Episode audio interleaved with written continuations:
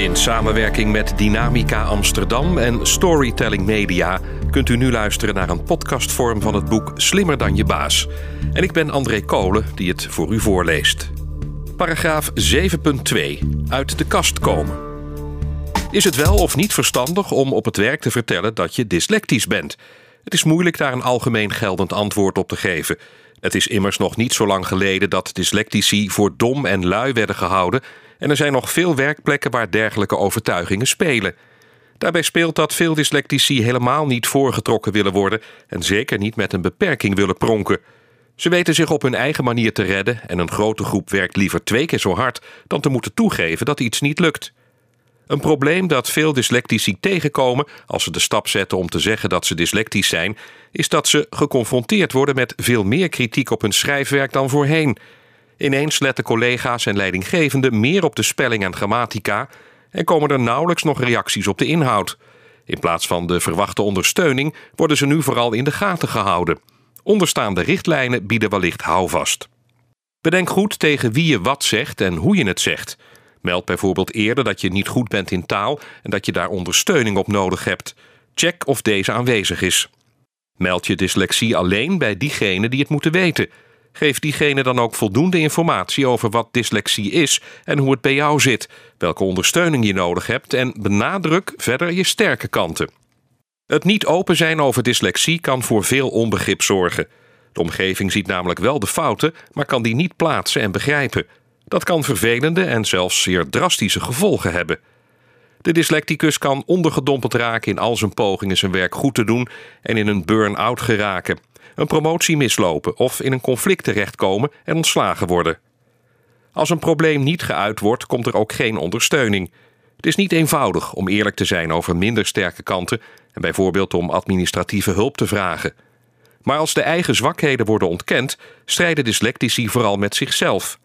Dan blijft de situatie onveranderd en raken hun positieve kwaliteiten dikwijls ondergesneeuwd. Het wel of niet vertellen is geen eenvoudig dilemma. Dyslexie kan zelfs een al dan niet expliciete reden worden voor ontslag, zelfs als iemand al jaren goed heeft gefunctioneerd. Joos. Toen ik de baan als secretaris van de Raad van Bestuur kreeg, vond ik dat helemaal te gek. Ik hield echt veel van mijn werk. Na enkele jaren kreeg ik een nieuwe baas en langzamerhand kreeg ik het gevoel dat ik niet goed genoeg gevonden werd. Mijn baas lette alleen op mijn schrijfwerk. Iedere keer als hij een fout zag, vroeg hij wat er mis was. Voor ik het wist, werd het notuleerwerk bij me weggehaald. Toen suggereerde hij dat ik dyslectisch was. Hij eiste dat ik me liet testen en ja hoor, uit het testrapport bleek ik inderdaad dyslexie te hebben. Maar in dat rapport stond ook dat mijn schrijfniveau op basisschool groep 8 lag. Dit vond mijn baas onaanvaardbaar. Ik werd ontslagen. De ironie is dat hij het werk dat ik wel goed deed negeerde. Het wel of niet uit de kast komen over het dyslectisch zijn hangt vaak sterk samen met de werkomgeving van de dyslecticus. De heersende cultuur en de stijl van de leidinggevende zijn hierin bepalend. Wanneer het management gericht is op het handhaven van een bepaalde structuur, waaraan de werknemers zich moeten aanpassen en strenge normen hanteert over hoe het werk gedaan moet worden, is er doorgaans weinig ruimte voor de dyslecticus om ondersteuning te vinden en eigen manieren te ontwikkelen om toch uit de verf te komen. Wanneer het management meer mensgericht is en het belangrijk vindt om de mogelijkheden en kwaliteiten van werknemers te ontwikkelen, zal de dyslecticus sneller ruimte ervaren om zijn zwakke kanten te laten zien en hier oplossingen voor te vinden. Wilfred. Ik probeer zoveel mogelijk anderen mijn schrijfwerk te laten doen. Gelukkig werk ik vaak met een collega en gaat er veel mondeling. Als we iets moeten schrijven, maak ik grof een raamwerk en schrijf ik conclusies op, waarna mijn collega het verder aanvult en netjes opschrijft. Ik vind het wel handig mijn directe collega's over mijn dyslexie in te lichten. Als er namelijk problemen zijn, begrijpen ze hoe het komt. Berend. Voor een nieuwe afdeling die ik moest opzetten, moest ik veel brieven schrijven en een ondernemingsplan maken. Dat ging niet echt goed. Ze vonden het warrig, terwijl ik het allemaal heel logisch vond. Pas toen ik het zelf overlas, zag ik in wat de andere mensen bedoelden. Ik weet dat ik dit dan wel kan verbeteren, maar geweldig wordt het niet. Daarom vraag ik tegenwoordig aan mijn vrouw of ze mijn schrijfwerk kan nakijken. Dat doe ik alleen als het heel belangrijk is. In de andere gevallen ben ik er gewoon heel open in. Als een collega een opmerking maakt, antwoord ik gewoon: Het staat wat krom, maar ik bedoel dit. Mijn vorige baas kon er goed mee leven. Die zei meestal: Nou, Berend, het gedachtegoed is goed, dus schrijf het maar op jouw manier op. Dan sturen we het naar een copywriter om het op te pimpen. Overigens geven werkgevers niet zelden aan het prettig te vinden als een werknemer vertelt dat hij dyslectisch is. Juist de discrepantie tussen de zichtbare intelligentie en het soms slecht afgeleverde of uitgestelde werk wordt voor hun dan begrijpelijk.